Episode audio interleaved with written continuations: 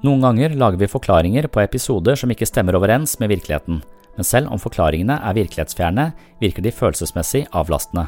Vi oppgir sannheten for å beholde følelsesmessig balanse i øyeblikket, og det kalles rasjonalisering. Rasjonalisering er et psykisk forsvar som gjerne dukker opp når vi har handlet på motiver vi nødig vil erkjenne.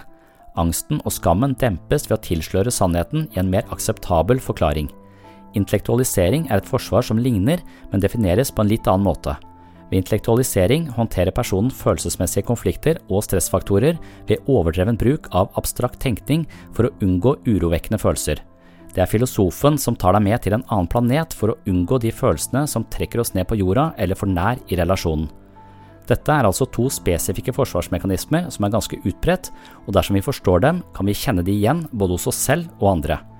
Vil du dykke ned i menneskets psykiske forsvar, kan du begynne med episode 62 på podkasten Sinnsyn.